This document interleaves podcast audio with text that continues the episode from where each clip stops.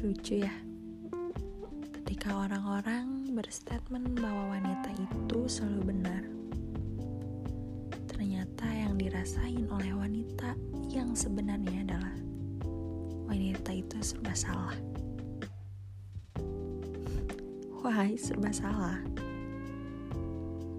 Eh, contohnya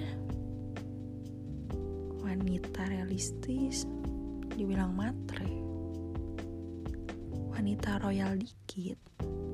Dibilang gak ada harga diri. Wanita yang lebih duluan suka.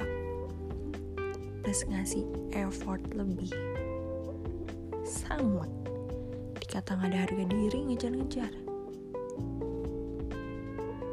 Dan wanita yang yang santai, cuek, lebih memilih mendahului, mendahulukan karir.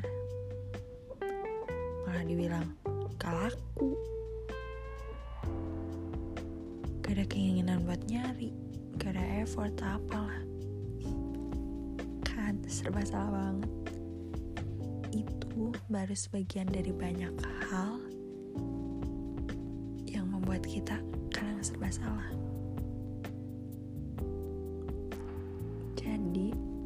Kalau kalian menganggap bahwa wanita selalu benar, tidak seutuhnya wanita selalu benar.